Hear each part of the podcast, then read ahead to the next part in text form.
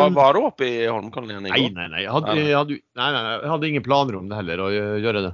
Nei, men det er jo bare altså, sånne nybegynnere som går på dag to. Vi kan vel bare kjøre på. Nei, jeg må bare sette meg opp i stolen, og det er en eksersis i seg sjøl. Sånn.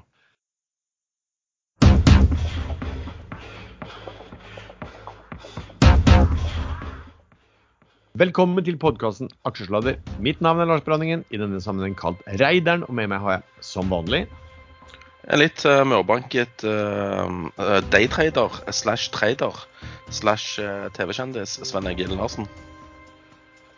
Og en uh, helt eh, vanlig jallakonge Erlend Henriksen. ja, Og den vanlige kan vel ta den vanlige disclaimeren vår med en gang. Ja, ikke gjør som eh, vi sier, for vi er totalt uansvarlige. Ja. er jo det. Vi ringer råd dersom du hører på hva vi sier her om markedet, aksjer, enkeltaksjer og livet for øvrig, er ansvaret helt og holdent ditt eget. Det kan forekomme feil i det vi sier i programmet, og panelet og panelets gjester kan være langkort, direkte eller indirekte eksponert i aksjeselskaper og produkter som omtales i programmet, og vi gir altså ingen anbefalinger. Hvordan er formen til dere to nå, etter, eh, etter en Pareto-konferanse som jeg da ikke ble invitert til? Eh, Hint, hint til neste år. Nei, Sven, du sier du er mørbanket, er det så? Jeg er litt mørbanket, eh, både psykisk og fysisk. Um, uvisst av hvilke grunner. Men uh, jeg kan bekrefte at Pareto ikke gikk tom for verken det ene eller det andre oppe i Holmenkollen i år. Det har de vel heller aldri gjort. Det var vel helst ned på, på takterrassen at det gikk galt. Men uh, her, her var det mye, mye greier. Og da gikk det et kryss i Minter på 3,25. Hvorfor gjorde det det? Nå må jeg trede litt her. Et lite øyeblikk.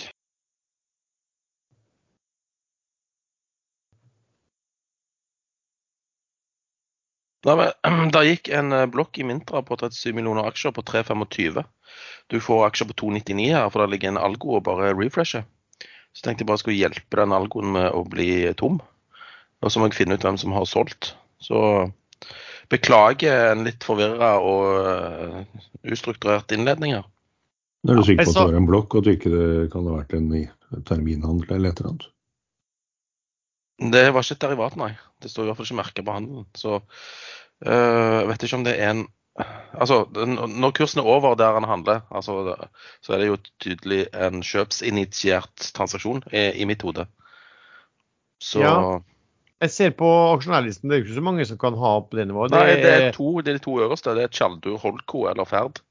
Nei, nei, men hør nå, det ligger jo også tre, fire, fem og seks alle SE-banken som fort kan jo, som har til sammen 31,7, 38,7 43, 44, et eller annet sånt. Over, over 40, 44 millioner aksjer eller et eller annet sånt på, på, på Men er de, er de en nomini for noen, tror du?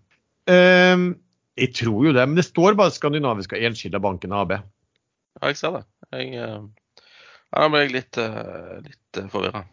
Ja. Så jeg vil jo tippe at det er noen av, tror ikke det er noen av de som kan være Selgere. kan ha dukket opp.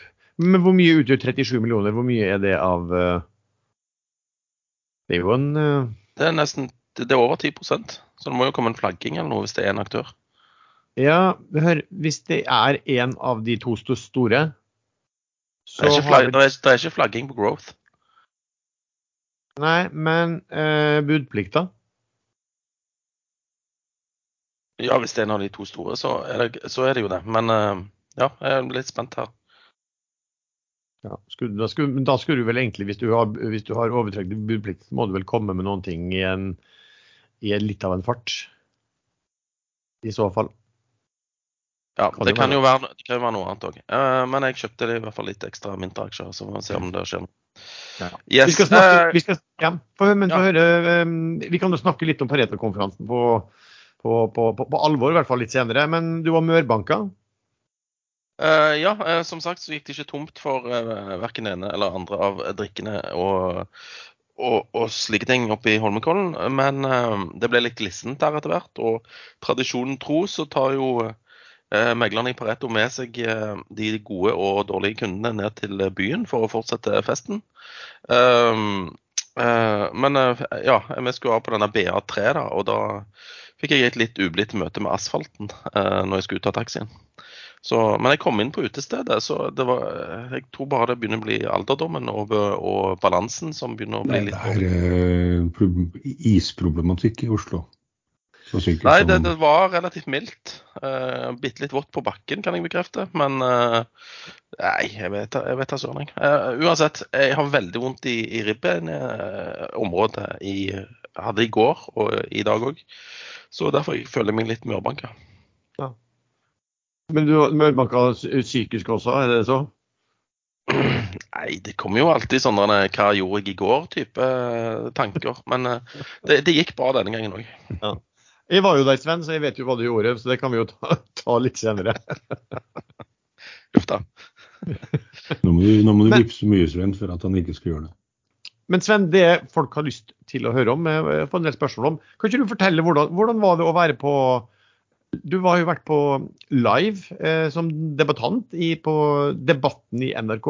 Fortell litt om hva, hva, hvordan det her foregår, og hvordan du opplevde det. Nei, det er blant det verste jeg har uh, vært med på. Jeg var veldig Eller ekstremt nervøs. Uh, ikke egentlig rett før, men når vi hadde kommet inn i dette studioet da, og sto der og venta på at uh, Fredrik Solvang skulle bli ferdig med innledningen sin og, og den snakkingen med første debattant som var fra E24. Så jeg syns det tok så lang tid at jeg bare Ja, jeg ble helt tørr i kjeften. begge knærne sto og rista, liksom. Så det var, det var, Jeg var redd for at jeg skulle gå i, i dørken da òg. Heldigvis gjorde jeg ikke det. Ja, For det hadde vært litt av en debut? Ja, det, det, det hadde vært flaut, ja. så, så, det, var derfor du glemte å kreditere aksjesladder og nevne dine kjære kollegaer i aksjesladder? Nei, jeg, jeg føler, føler, at det er ikke rette plassen for uh, promotering. Så Nei, men... det, det lot jeg være. Ja, men eh, det, NRK var, var, jo litt uh, ufin, da, for de lot jo han uh, Ness snakke veldig mye om den Nordic Mining. Men altså, den Nordic Mining-saken den ble først gang nevnt når du og Erlend sammen uh, knekte tall og tidslinjer på direkten i Aksjesladder i forrige episode. Ja, men jeg var med først. For det var vel en avis inne i fjordene, i Firda eller hva det heter noe. Førdeposten eller noe, som hadde den saken. Firdaposten, ja. Jo, men De kom med den på kvelden på fredagen, og da hadde vi allerede spilt inn episoden. Så, så vi får gi oss den. Jo, men vi hadde vel ikke publisert, hadde vi det? Nei.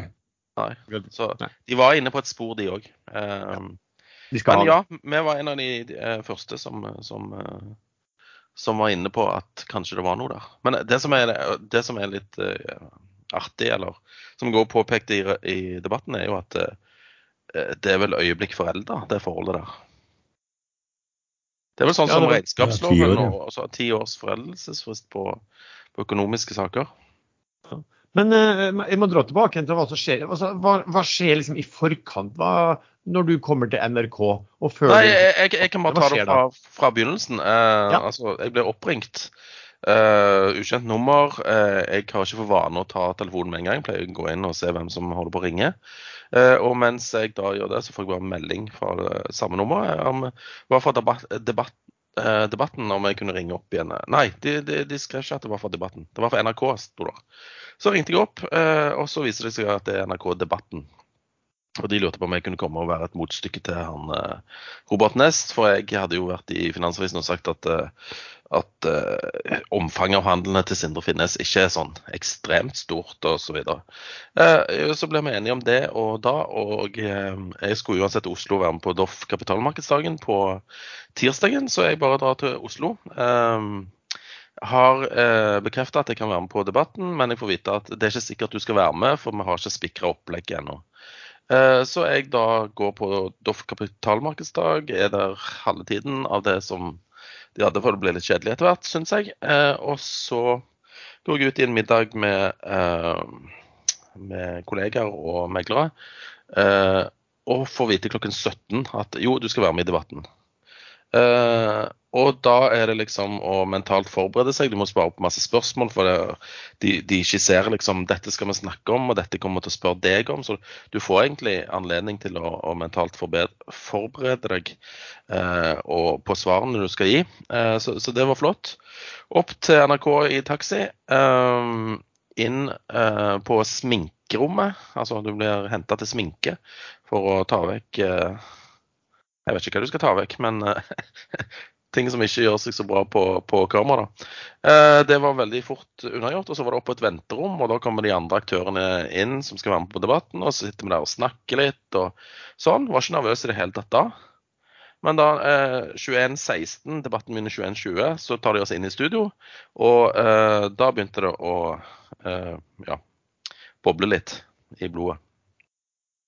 Man ser jo ikke på folket noe noe eh, spesielt nervøst. Men jeg syns litt synd på det, fordi at den debatten varte jo altså Den pågikk jo så lenge før du som sistemann fikk snakke. Og, og han programlederen han kokte jo helt eh, Rota jo helt til hvem du, hvem du, var. Du var professor etter hvert, var du ikke det? Jeg tror hun damen som skulle geleide oss på plass, eh, gjorde en feil der. At eh, putta professoren og meg eh, på feil plass. Ja. Så jeg, jeg, får prøve å unnskylde Solvang på, på den måten der. Ja, ja, men han, han, ble litt oppgitt, så jeg, når han begynte bare å se på kortene sine og bare stokka de om et par ganger. Og så oppgitt ut i, i luften. Eh, men uh, nei da. Men det var en fin erfaring å ha vært med på. Jeg, eh, jeg regner ikke med å være med på veldig mye mer av sånne ting. Eh, men jeg kan i hvert fall krysse av at jeg har vært med på debatten. Ja. Bra. Bra, bra debut. Jo, takk. um, hva syns du, Erlend? Skal vi gi den godkjent? Ja, får karakter fem på den. Fem av seks terning. Ja. Spesielt sminken, liksom. Jeg syns jeg var nesten overrasket. Eh, noen sa at de kjente han nesten ikke igjen på stemmen, for at de mente at NRK har andre og bedre mikrofoner enn hva vi, hva vi har der. Og så, og så, tenkte jeg meg sjøl at ja, de, de må, her, her, må de ha brukt mye tid på sminken. Ja, du var, det, jo, eh, du var jo faktisk kjekk, Sven. Du så ut som en staut og stor, fin mann. Ja, kjekk er vel kanskje ikke uttrykket. Det, det, fineste bildet da, det var det som var tatt på Pareto-konferansen, hvor det står under en sånn eh, rund lysring. Det er faktisk ikke på Pareto-konferansen, det er nede i VG-huset. Ja. For av alle ting så dagen etterpå så ringte de fra Stavanger Aftenblad, og de hadde sett debatten, og, og, de visste ikke at jeg var fra Stavanger-området, så da ville de liksom eh, gjøre en sak på at det var en Stavanger-mann i debatten. Det var visst litt uvanlig, det òg. Men eh, dagen etter, så det var kanskje i den saken, da fortalte du at eh, da har du akkurat blitt politiker og valgt inn som varamann i kommunestyret på Sola, er det vel, og forteller da at du tror Erna er ferdig. Så, så du, du, jobber deg ganske fort opp i systemet. Først uh, sentral i debatten, og så, så, kaster du Erna under bussen og skal over seg sjøl. Ja, jeg ser jo at det begynner å bli altså, mulighet for en åpen uh, stilling der oppe på toppen etter hvert. Men kan du da fremdeles være med i aksjesladder? Hvis du blir eh, statsminister? Ja, men jeg kan neppe sitte og, og, og plukke masse Mintra holding her uh, i sending. Vi må vente til etter sending. Skal vi komme oss videre på det vi bruker å snakke om, da? Eh, hva man har gjort i uken som har gått. Eh, jeg så bare kjapt nå, Oslo er vel ned en prosent eh, den siste, de siste ukene. Starta bra, og så har det vært litt magrere de siste dagene. Mens USA er ned 4% siste uke. Men hva har du holdt på med, Sven, utenom å, utenom å ha vært i, på reisefot og i, og i media?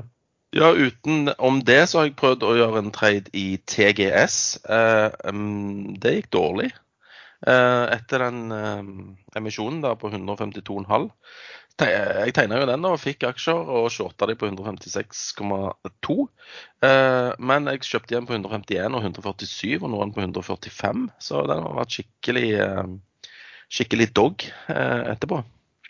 Så det vet ikke helt hva jeg skal gjøre med den. Jeg har, jeg har ikke så mye aksjer igjen, men ja, veldig svak sak. Jeg har hedga ut eh, Doff-gevinsten min på 50 ca. Um, der kommer det mye aksjer eh, og uh, nye aksjer i form av B-aksjer i neste uke. Nei, det blir ikke neste uke, det blir vel mandagen etterpå. Uh, så den er verdt å følge med på. Jo, en tredje Codelab, som er gamle Patient Sky, de kom med nyhet om at de hadde lansert sitt første produkt. Det var aksjer å tak i på 49 øre, så jeg kjøpte en god del der.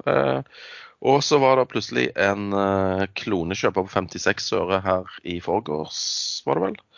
Og da Eller var det i går? Jeg er usikker. Dagene går i surr. Uh, uansett, jeg solgte på 56. Tok en uh, kjapp gevinst. Uh, men det er noe, noe å følge med på um, framover. De kommer til å lansere nye produkter. Det er litt spennende å se om de klarer å selge noen av produktene sine. Det er vel det som er Sånn. Jeg mistet internettet mitt. Det har skjedd noen ganger så jeg får vel kontrollere lille mobilantennen på veggen. Nå var du veldig grøtete i stemmen òg. Ja, for nå har jeg koblet meg opp på mobilens 4G-samband, og det er heller ikke så bra akkurat her. Lars, da har han hoppa ut av vinduet. Hæ? Har du hoppa ut av vinduet? Fikk du blir så oppgitt. Det er jo så ekstremt vanskelig arbeidsforhold at på et eller annet tidspunkt må du jo gi opp. Jeg klatra opp på gelenderet, og så var det bare å stupe, liksom. Så, Men uh, høres jeg bra nok, eller skal jeg prøve å finne koble opp på internett igjen? Jeg tror du må prøve å komme deg inn på internettet. Det er der det skjer. Internettet. Ja, men da blir jeg sikkert borte igjen uh, til ja, jeg, jeg er bare så vidt i begynnelsen av hva jeg har gjort i løpet av uken, jeg, så det går fint, det. OK, vi prøver. Uff, ja. Nei, eh, ja, Codelab eh, den er nå på 60 øre, så den kunne jeg sikkert holdt litt til. Men det var såpass mye kjøpsinteresse på 56 at den kjøperen der fikk alt jeg hadde. Um, jeg har uh, økt i Mintra. Uh, jeg var hørte på dem på, uh, på. De driver jo på med sånn holdt på å si e-læring og kursevirksomhet for offshore shippingindustrien. Og jeg snakket litt med Kristian Falnes, som òg var og hørte på samme presentasjon. og jeg bare relaterer det til min fru som jobber i Norwegian. Hun må ta masse sånne kurser hele tiden. Og hvis det er det samme opplegget for shipping, rigg og alt dette her, så er det en booming industri. Jeg vet ikke om Eller de greide ut om hvem som var konkurrentene sine og alt det der. Men jeg tror at det er en industri i vekst. Og de har drevet masse oppkjøp og sånn. Og emisjonen de Eller de henter penger på tre kroner for å finansiere disse oppkjøpene, og der ligger han rundt eh, nå òg. Det kom nettopp et kryss på 37 millioner aksjer, eh, som jeg sa i innledningen. Jeg vet ikke hvem det er, eller hvem som har solgt og hvem som har kjøpt. Men eh, det får vi med tiden sikkert svar på. Jeg har i tillegg til jo, etter, etter, sendingen, eller etter innspillingen sist uke, så var det jo indeksfredag, og det skjedde litt volum i sluttauksjonene.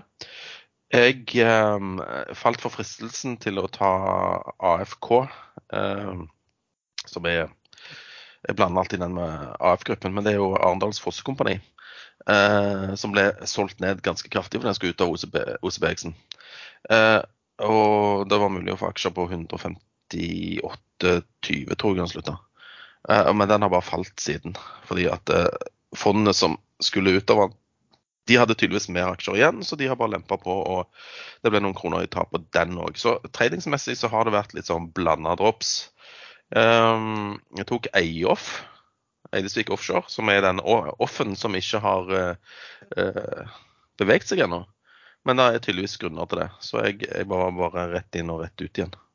For det Ja, vi kan snakke litt mer om offene og doffene og soffene i Pareto-konferansesegmentet. Men det er vel det jeg har gjort i løpet av uken. Sånn, jeg er tilbake igjen på ordentlig internett. Ja, nå var, det var mye mer behagelig. Ja, det, ja, det var, det, så hørte det godt. Eh, og det passer bra. Erlend, For da får vi høre. Erlend, hva har du funnet på i uken som har gått?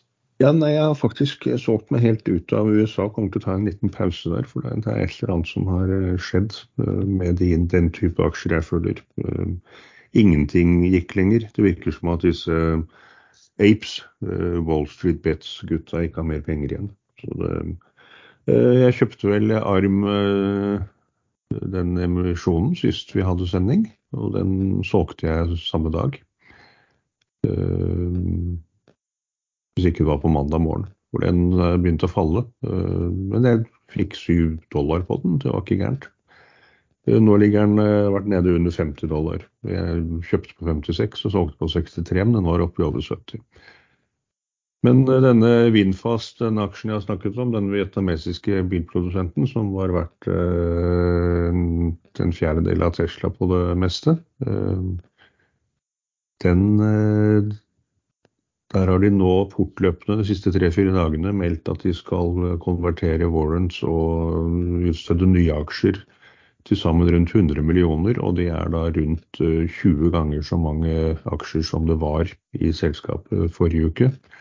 Eh, og det ser man på kursen. Den har begynt å falle godt, og den kommer til å falle mye, mye mer. Så den holder jeg meg helt unna en lang periode, i hvert fall. Den har jo aldri vært verdt mer enn en dollar eller to. Den var helt oppe i 93. Eh, samme egentlig med alle disse andre. AMC, dette kinoteaterselskapet som kjørte en eh, diger eh, at the market emisjonsløsning de har der borte, hvor de får en ramme og kan pumpe ut aksjer i markedet når det passer dem. Den ble meldt at den var ferdig. De hentet inn 325 millioner dollar, og da satset alle på at den aksjen skulle da gå rett til værs, men det har den ikke gjort. Nå ligger den nesten på all time low. Men, mm. men, har du gjort noen ting i løpet av denne uken? Ja, jeg solgte jo den. Men jeg, i dag har jeg kjøpt, uh, i går og for så vidt, da var jeg så vidt innom Photocure i Norge. Ja. Uh, og tok tilbake i dag.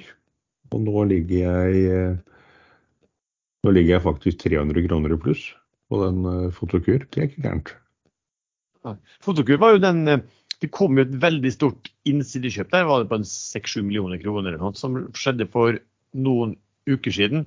Tror, og det var på, var det på 42-43. Jeg tror jeg nevnte at jeg hadde kjøpt, kjøpt det på, når jeg så den meldingen, så kjøpte jeg litt. Og så tok jeg med meg noen kroner på det. Men der kom det jo en sånn melding om ja, en eller annen studie du holder på relatert til noe i, i Kina eller hvordan det var, som sendte den kursen opp. Fase tre. Så da går det jo nå går det da til søknad om godkjenning. Eh, av det produktet. Jeg er litt rusten på Photocure, men eh, grunnen til at jeg har tatt den nå etter at den da steg eh, rundt 40 fra, fra der hvor, du, der hvor det innsidekjøpet var, nå ligger den på 58, det er fordi den holdt seg veldig bra nå for tredje dagen. Den gikk rett opp, og så holder den seg ganske flat. og Det pleier ofte å være tegn på at den skal videre. Protokur har jo vært veldig mye høyere, og DNB har vel et kurs på 140 på den. Så jeg ser den an litt. Det kan godt være at jeg holder den over helgen.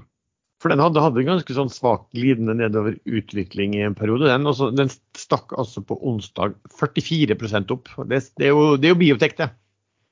Det er biotek, ja. Og de får innimellom sånne lange perioder hvor de bare faller og faller. Og det, men jeg kan ikke den godt nok. Jeg, jeg så forrige gang den, da fallet begynte, så var det etter kvartal eh, fire-tall, eller eh, hva det var for noe. Så ramla i slutten av februar i år. Har bare falt og falt siden. Men det, det, skjer innimellom, og så plutselig kan ting snu. Og nå kan det være at den faktisk har snudd trenden og skal opp igjen. Så sitter jeg og følger med på Atlantic Sapphire akkurat nå, for der kom det 50 eller 55 millioner nye aksjer i dag, og så kommer det rundt 400 millioner til er det vel etter en generalforsamling i midten av oktober. Og Da kan det bli en lite sånn vakuum-case, faktisk. Så jeg håper at eh, de, i hvert fall noen av de 55 millioner aksjene dumpes i dag, og kursen ramler ned mot emisjonskursen på 1,40. Men eh, det har den foreløpig ikke gjort. Nå ligger den på 1,78. Det er bare omsatt 750 000 aksjer. Det er jo ingenting. Ja. Um, ja. For min del så har det vært eh, stille og veldig lite jeg har gjort den uken her. Jeg kjøpte vel tidlig i uken litt eh, Petrolia, som gikk senere i uka sikkert over 15% opp, men den har vel falt eh, en del tilbake. Den var vel nesten toucha på eh, Gikk fra fire til fem i løpet av uken, men på 4,55 nå. Så er det jo pent, men det, er lite likviditet i den. Um, og så gikk jo da denne Oddfjell Technology den gikk jo veldig fint i forbindelse med Pareto-konferansen. Så der solgte jeg litt av det jeg hadde der. Um, det, og det er egentlig det jeg har gjort. Jeg, jeg ser vel ikke bort fra at Doff er en som står på listen nå, for nå, nå kommer jo de snart disse aksjene. og som fries til salgs. Og, og, analytikerne kappes nå om å ha høyest kursmål, sånn at sikkert at de skal få oppdrag, tipper jeg. Så øh, spørsmålet om man skal, hvor mye man skal eie da. Men, men alle var jo veldig optimistiske til den um, det, det supply-segmentet da i, øh, i, under Pareto-konferansen. Uh, men Sven, nå har vi endelig da fått uh, både altså, emisjoner og nedsalg um, denne uken. Fortell, fortell. Ja. Hva PGS, TGS var det denne uken, det? Det var vel det? Siden vi ikke ja. snakket om det sist uke. Nei, de to uh, gessene de har plutselig funnet fram til at de skulle slå seg sammen. Og så skulle de uh, forbedre egentlig balansen til TGS. da. Nei, PGS, som alltid har vært et problem. Uh, så de henta jo både penger både TGS og, og PGS. Uh, jeg la meg i boka på PGS på 9 blank, men den ble gjort på 9 var det 950 eller var det 960? Ja, rundt der. Ja, var det ikke 9? Jeg husker, jeg husker ikke helt hva det var. Jeg, ikke jeg heller. Men eh, jeg, jeg, jeg gadd ikke også betale mye der. Eh, og så la jeg meg i TGS TGS the market, og fikk som tidligere sagt Hva er det som Nå er det sånne mobilforstyrrelser i øret her. Hm, hørte ingenting her. Jeg hørte også en lyd, så da vet vi hvem den skyldige er. Den som ja. uh, fisen først han var, den er fisens rette far, er det noen som heter. Ja, men uh, det kan vi se bort fra i denne sammenhengen. Men uh, det, her lukter det ikke ille, for å si det sånn. Um, nei, jeg ble med TGS 152,5, fikk det ut på 156. Lav tildeling i TGS. Jeg vet ikke hvordan tildelingen var i PGS. Men, men det var ikke blitt noe fest der heller. Nei, men det var vel sånn, var sånn at TGS henta, de rundt 900 mil, og PGS henta en 500 mil i underkant av det? Var det noe sånt? Jeg var på reise. Jeg bare tegna, jeg. Ja. Men, um, men det kommer jo pga. en, en uh, stor fusjon mellom de ja. to. Ja, og de har jo prøvd å snakke sammen tidligere. TGS har vel indikert at de ville kjøpe seismikkdataene til PGS, noe PGS ikke ville. da. Eh, så Nei, jeg vet da søren. Men hva tenker du om altså Det er jo litt interessant, for gjennom mange år så har da um, Nå har jo PGS hatt multiclient òg, men PGS er jo da den ståltunge med, som har hatt båter, mens, uh, mens TGS har da hatt en Alltid vært Asset Light. De har ja, bare liksom skumma fløten og sluppet alle disse investeringene i, i stål. Men leid, leid, ja. leid inn, ja. Leid inn båter. Men det som er et uh, hov, altså en gjentagende story fra Holmenkollen i år, det er at det er mangel på stål. Og det er tydeligvis mangel på stål innen seismikkbransjen òg. Alle disse OSV-selskapene skulle ønske de hadde hatt mer stål. Altså Tenk hvordan det var i 2015. Da var det mye stål.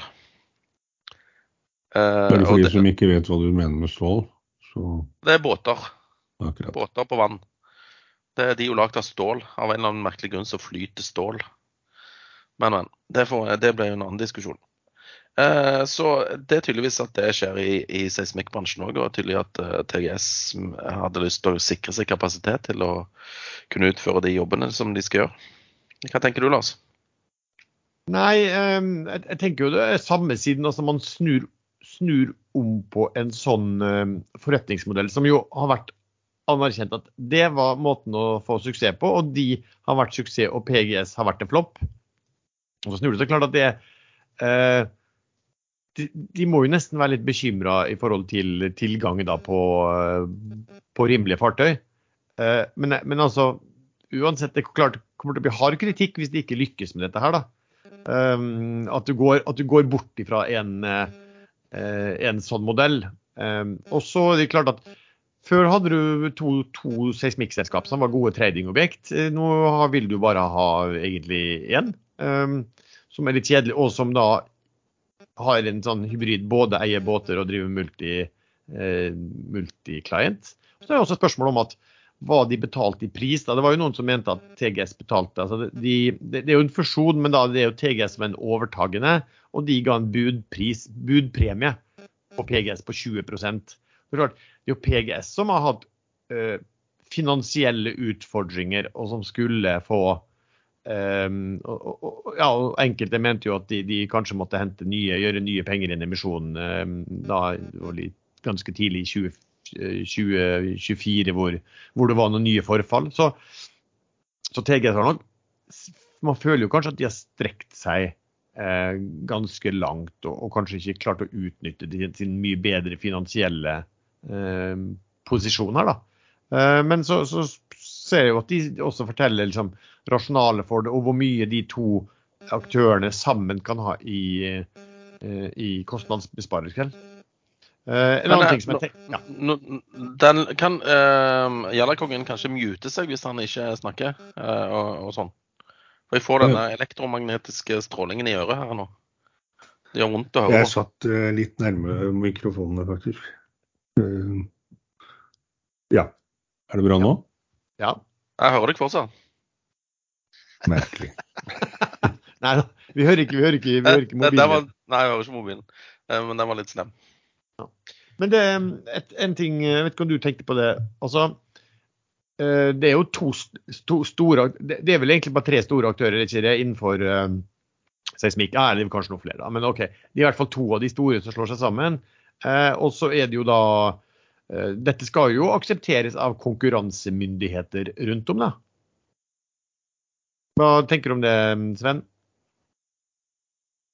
Jeg tror ikke det går igjennom, da. Du har vel noen andre aktører òg som driver på med Sesmic Sharewater og Fugro Eller finnes Fugro fortsatt? Nei, altså, jeg tror sånn på, på at det er vel er ikke TGS og Sharewater og PGS som er de dominerende? Og, jo, jeg trodde, jeg trodde det. Ja. Eh, men i alle fall, i hvert fall PGS og Sharewater innenfor med henhold til, til, til, båter. Men så er det vel også konkurransemyndigheter vil vel se innenfor visse områder. Eh, så vil vel TGS si at ja, men vi har mye multiklient og de har båt, og vi, vi, vi, overlapper hverandre heller enn at vi øker. Og så sa de at ja, vi får en sterk posisjon, men ikke dominant. Og så tenkte jeg at ja, men OK, det må de jo si. Altså, Hvem er det som sier om det? Ja, ja, vi tror det er en fare for at konkurransemyndighetene vil gripe inn. Det kan du ikke si. Det jeg merka med deg, var at uh, dette her er vel noen ting som tar ganske lang tid før de eventuelt uh, får ferd gjort ferdig. Jeg tviler jeg vet ikke om kanskje de har en målsetting å klare det i løpet av året, eller om det blir første kvartal neste år. Men begge to var jo med en gang ute og henta penger på det. Uh, så du vet, Sånn så, så, så for særlig PGS, da, som, som har et kapitalbehov og kanskje en finansiell utfordring, så, det jo, så var det jo helt synes jeg var taktisk perfekt å hente penger inn eh, med en gang. Hvis det ikke blir, blir, av dette her av en eller annen grunn, da, så har det jo i hvert fall sørget for at de har fått inn mye penger på en kurs som spratt solid opp, fordi at eh, det kom et, eh, egentlig et bud på det. Men her er det Nå er forresten skurringen òg tilbake igjen her. Det er jeg er uskyldig, Sven. Okay. Um, TGS PGS de er jo internasjonalt operative, uh, så dette er vel et tema for konkurranse til myndigheter i mange land? Ja, det vil jeg tro. Det er akkurat det i ulike områder, ikke sant. Ulike ja. basseng. ja. Det finnes vel ikke noen internasjonal konkurransemyndighet som kan gripe inn i sånne situasjoner? Nei, så vi får se da hva som skjer med, med, med den fusjonen. Det, skal, det, det, er jo en tid fram, og så kan det jo alt mulig skje i løpet av kort, uh, kort tid der. Men uh, det, dette var jo en av disse var da, emisjoner. Vi har også hatt et nedsalg uh, som kom i går, Sven? Vår Energi, um, Hightech fond uh, Hightech Vision, selger var vel oppe i 6,3% av aksjene til 29 kroner.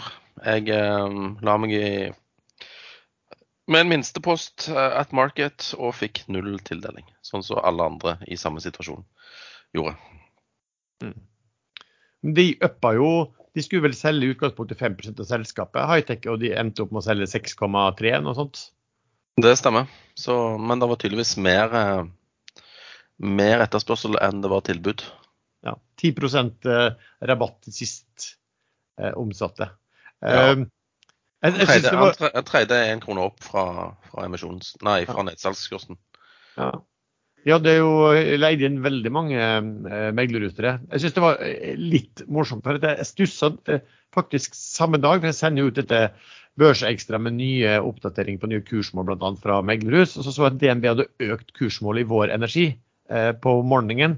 Så tenkte jeg at det var litt rart, fordi at Vår Energi hadde jo to dager før kommet med det som egentlig var litt dårlige nyheter. Var noen overskridelser og ja, litt der. Ikke sånn stort, men nok til at jeg så Bank of America nedgraderte aksjen på basis av det. Eh, og så tenkte jeg det virker litt rart at DNB økte kursmålet. Eh, og så da eh, i, i går eh, morgenen, og, så for, og etter børs samme dag, så eh, skal de gjøre et stort nedsalg i vår hvor DNB er global lead, lead et eller annet tilrettelegger. Så, men det er jo som kjent Chinese walls der, så det kan jo være tilfeldig. Pluss at det kan jo være at mange analytikere ventet det skulle komme litt sånne nyheter, og at det kanskje ikke var så ille som de hadde trodd. Det kan, kan jo være.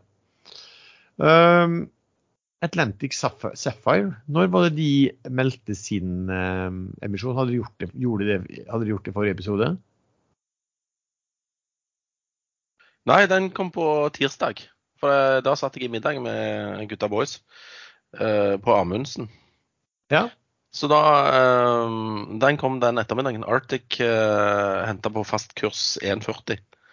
Uh, kursen var vel rundt 1,70 var den ikke det? Jeg tror det var det. Eh, så det var litt rabatt der. Men eh, jeg hadde jo indikert interesse på ti øre, men det, det, var jo far off.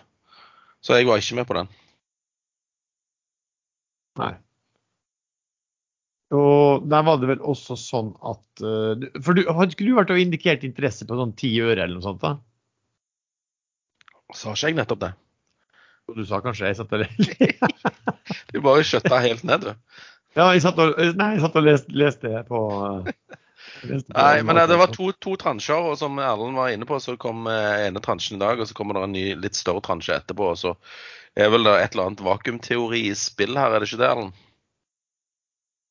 Uh, jo, jeg måtte unmute meg for å svare på det spørsmålet. Det er korrekt. Og da er hogger du til som en kobra? Da kan det være at jeg gjør det, ja. Men det er ikke så veldig lenge til eh, 16.10 tror jeg den generalforsamlingen er. Nå er det 22.9. Så jeg liker bedre når det er sånn 3, 4, 5, 8, 9 måneder fram i tid. Så, da får det mer effekt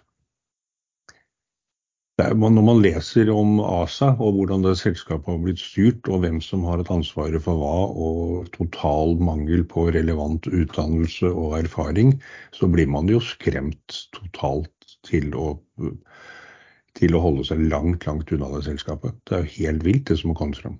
Men nå er det jo, eh, er det jo eh, oppdrettsselskap som tar, altså industrielle da, som tar mer kontroll eh, over over selskapet. De gründerne vel nesten, blir vel nesten vanna helt ut. I hvert fall kraftig ut. Men det var visstnok en, eh, en, en, med elektrisk kompetanse som hadde beregnet behovet for eh, kjøling. Eh, og ikke en med kjøleteknikkompetanse. Og det har gått gal kamp på gang. Og det var noe med slam i kjølevann, og det var, det var liksom ikke måte på. Og dette har de holdt på med i mange år. Hvordan er sånn mulig? Um, vi har også fått uh, ett bud, og så har vi et uh, indikert interessebud på børsen også denne uken. Har du kontroll på begge, Sven? Ma, ja, kontroll og kontroll. Uh, Self Storage Group uh, kom nå bud på. Og Husker dere jeg snakka om den siste, uh, siste episode, der det ble gjort en sånn i en sluttauksjon bare ble pælma ned på 20,5. Eh, over 100 000 aksjer. Som jeg dessverre ikke fikk med meg. Eller jeg er egentlig litt klar for at jeg ikke fikk det med meg, for jeg hadde jo solgt de på 23. Eh, og så kom budet nå på var det 40? 40. Så da hadde jeg jo blitt sur uansett. Nå er jeg egentlig ikke så sur for det, da. Um, så den uh, var vel 70% som hadde akseptert budet. Ja, det, det var jo nesten 70 uh, overkurs også. Det var et fett bud i forhold, i forhold til, til, eh, børskurs. 40 spenn blank, ja. Ja, nei, eh, veldig bra for de som eide den. Da får de en fin, fin exit hvis de ønsker det. Og det tipper jeg de ønsker. Um, altså Indikativt bud på Adevinta, som er opp uh, 22% i dag. et Blackstone-ledet konsortium jeg skal ha vist interesse, og det pågår samtaler, men ingenting konkret ennå kommet. Men eh, det hindrer jo ikke aksjen fra å gå i tak i dag, da. Nei. Og se om, se om det kommer et bud, da. Ja. for, altså Schibsted de eier jo 30% av Adevinta, og det gjør eBay også. Men det, det kom vel fram da fra Adevinta at Schibsted og eBay var en del av konsortiet som skulle kjøpe ut. Så om de skal ha uendret, eh, om de skal ha uendret beholdning, eller om de skal eh, redusere og selge seg litt ned eh, når de går inn sammen med andre, det er ja, ukjent. Men eh, Schibsted er også opp ja, 14 i dag. Det er fint å være i konsortium med dem som skal kjøpe et selskap du er i 30% av, og så ser du at alt, alt bare stiger i din egen kurs. og ja, Advinta også. Så, men i det øyeblikket de, de, de kommenterer det, så er det jo og det er, altså det, det er jo store aktører interessert, så det er åpenbart at det er noen, noen som er veldig solide aktører, da, som, eh, som eh, indikerer en eller annen deal. Hei, Hans Petter Mellerud, CEO og grunnlegger av Salaris her. Salaris digitaliserer lønn og HR-tjenester for store selskaper som Software as a Service eller via outsourcing. Vår systemløsning PeopleHub dekker mer enn 150 land med like prosesser for lønn og HR.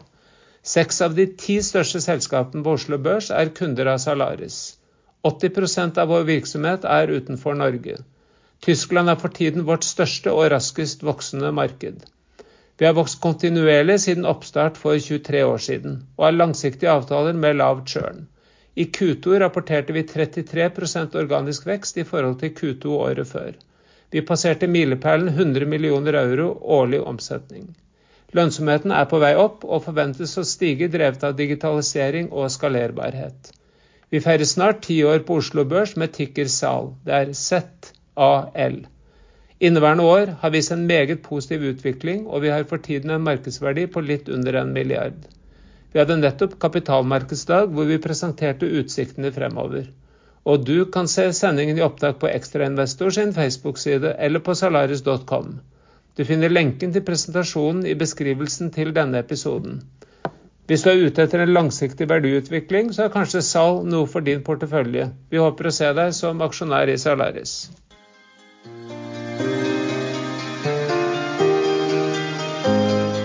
Skal vi ta og komme oss inn på ja, det faglige i Pareto-konferansen? Eh, Sven, eh, av gode årsaker så var vi begge to vi var jo bare den ene dagen. Eh, og det var vel da det strengt tatt var eh, olje og oljeservice og, og, og også en del ja, kanskje litt grønt. Det var på, på torsdagen var det vel stort sett mye shipping. Men hva har du noe liksom, du, du kan trekke ut av konferansen som hva var det du hørte på, hva var det du liksom bet deg merke i? Nei, Hovedpoenget, som jeg også har nevnt litt tidligere i sendingen, det er at alle disse OSV-rederiene, eh, altså eh, Offshore Supply og den biten der, eh, de skulle ønske at de hadde mer, eh, flere båter. Eh, og det er gjen, gjenganger. eh, og at ratene stiger. Men så var det òg noen riggselskap som begynte å, å klage på at kostnadene i vertikalen, altså det de kjøper inn av ting og tang, eh, at kostnaden der har steget veldig mye pga. inflasjon, og at det vil jo eh, sette press på rater eh, Nei, ikke på rater, men marginer, var det jeg ville fram til, for disse riggselskapene. Så det kan jo òg være noe å, å følge med på. Så det har visstnok vært en litt sånn kostnadseksplosjon fra underleverandører. Og det er jo ikke så bra. Da må jo ratene opp. Og Ja, de må jo ikke det. Hvis, vi, det kan jo være at Nei, marginene blir mindre, da. Ja, Ja, ja. Marginene kommer til å bli mindre, og inntjeningen blir lavere enn det du kanskje hadde sett for deg. Og så er spørsmålet um, Skjer det i disse andre næringene òg, som er veldig avhengig av uh, masse underleverandører? Mm. Ich weiß, ich weiß nicht. Eh, Eh, nei, ellers så var det generelt god stemning, følte jeg. Oljeprisen ligger på 93 90, Altså på 90-tallet, og det, det er happy days i bransjen. det var vel så god stemning at vi, vi på banketten etterpå fleipa, fleipa om at uh, i, i, dag ble vel toppen Nådde vel toppen. og alle, hvem, hvem kan bli mer bull enn hva folk var nå? Ja, det, det føltes litt sånn, eh, men jeg snakker med folk som kan den der eh, OSV-bransjen veldig godt. Og de ser type tre år med, med bra utsikter. Mm. Og gode, god inntjening. Ja. Nei, altså det var, det var, vel det samme eh, inntrykket jeg hadde også. at Sant?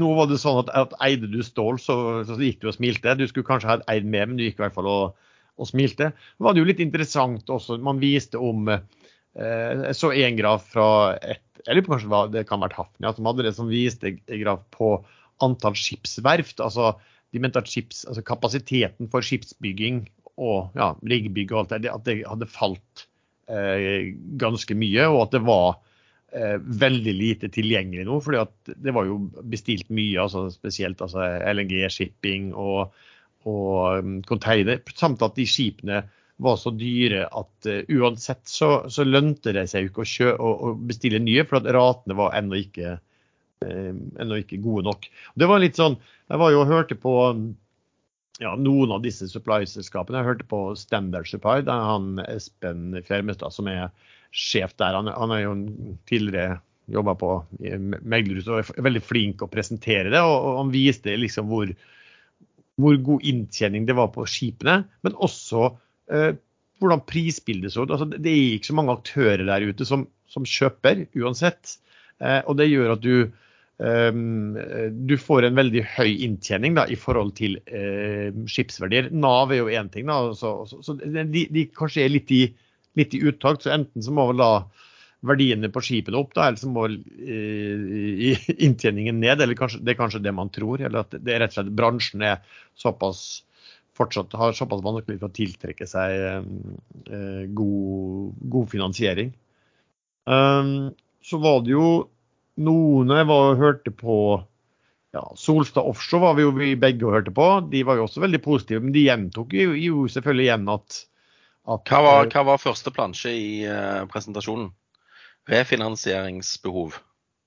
Ja, du merka deg det, ja? ja, det var første plansjen.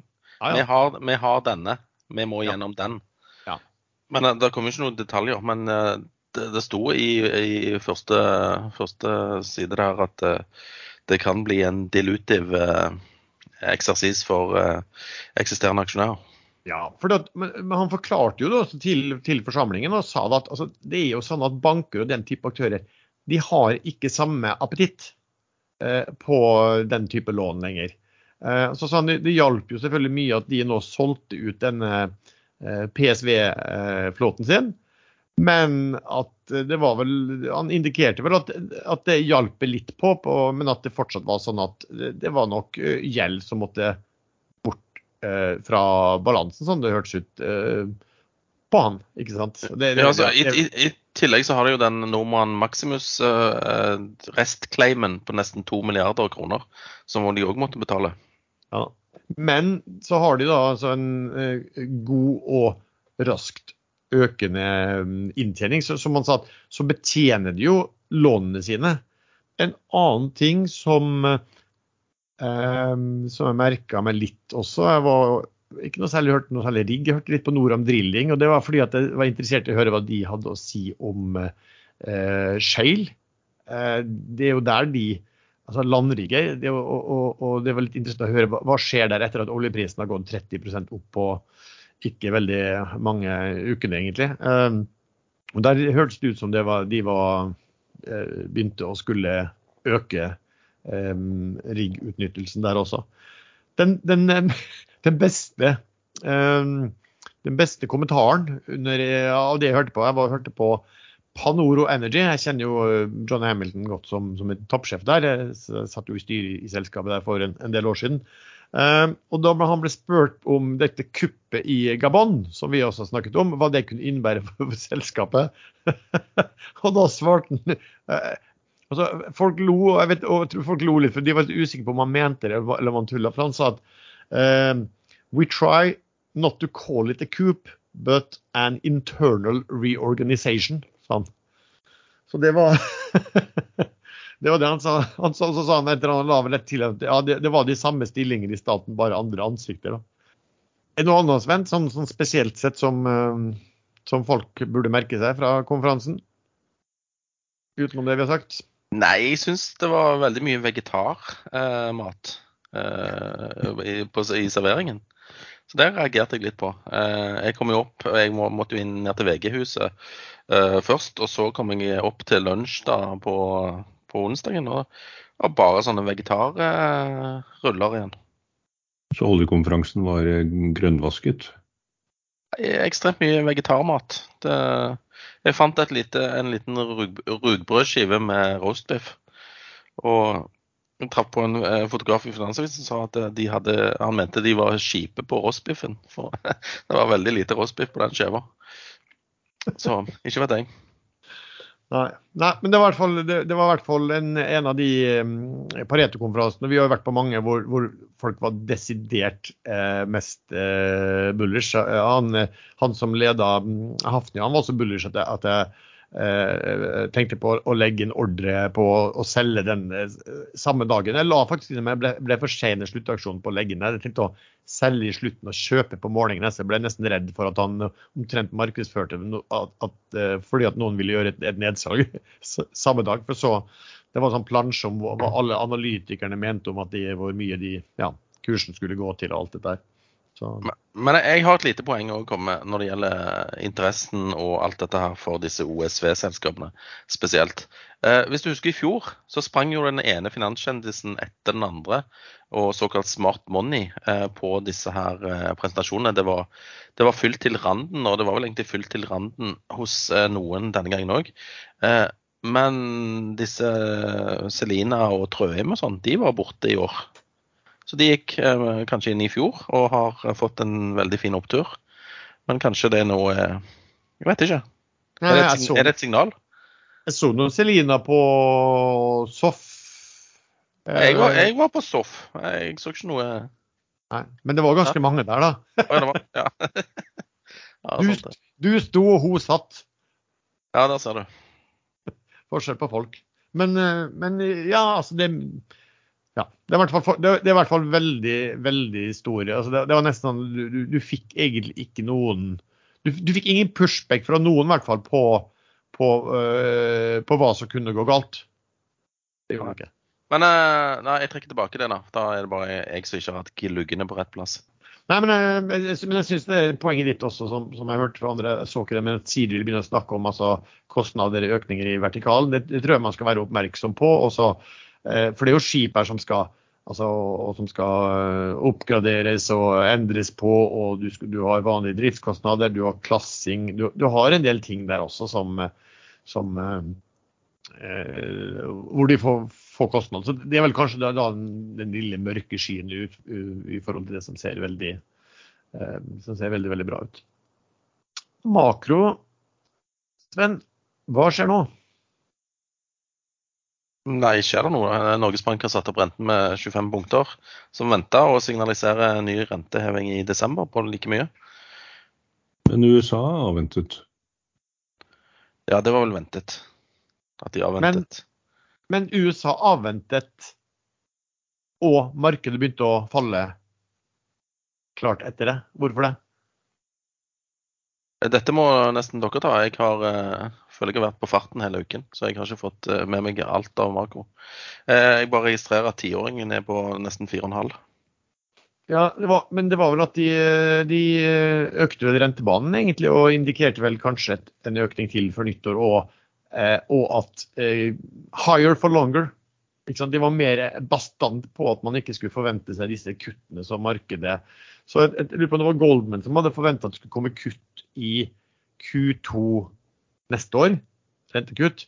De hadde vel flytta det Det var de eller et eller annet de andre store i hvert fall, som flytta det nå til Q4 2024. Um, og det samme er jo litt i Norge også, at du, du, de begynner å øke, eh, de øker rentebanen eh, rundt omkring. Nå har jo markedene steget parallelt med at rentene har gått opp. Og, Og så faller markedet på forventninger til at rentene skal ned, men så kommer det da higher for longer-signaler, og så faller markedet likevel. Da burde det vært motsatt. Da burde det jo fortsatt å stige. Selv om det er imot alt som tidligere har skjedd. Så det er ikke så lett å, å finne ut hva som kommer til å skje på det som meldes akkurat om dagen. Nei, altså det er jo mye, mye Du kunne jo spurt folk da, hvis de, for et år siden, altså hvis, hvis, de hadde sett for seg den renteoppgangen i USA, hva de trodde om markedet. Så tror jeg det var mange som hadde trodd at, at Nasdaq skulle ha en sånn fantastisk eh, oppgang på hva er det, 30 hittil i år. Vi har vel ikke snakket noe særlig om det, men som kanskje vi skal begynne å se på nå. Fordi det er vel slik at hvis ikke eh, det offentlige i USA får en funding innen utløpet av september, så, så, må de stenge ned. Har du fulgt med på liksom hva som skjer rundt? Ja, jeg leste meg litt opp på det i går. og Her er det jo en del eh, litt av den eh, ekstreme republikanergjengen som ble valgt inn nå sist, som pusher på for å blokkere eh, fundingen i forbindelse med budsjettet. Det er ikke gjeldssaken det er snakk om nå, men det er rett og slett å blokkere foreslått budsjett. Og da vil flere deler av USA stenge ned. Eh, Bl.a. Eh, rettssystemet, som gjør at Trump slipper unna. Så han har jo gått stort ut med Twitter eller den andre tjenesten og sagt at eh, og sa det direkte òg, at hvis de klarer å stenge ned eller blokkere budsjettet, så vil ikke rettssakene mot han kunne gjennomføres.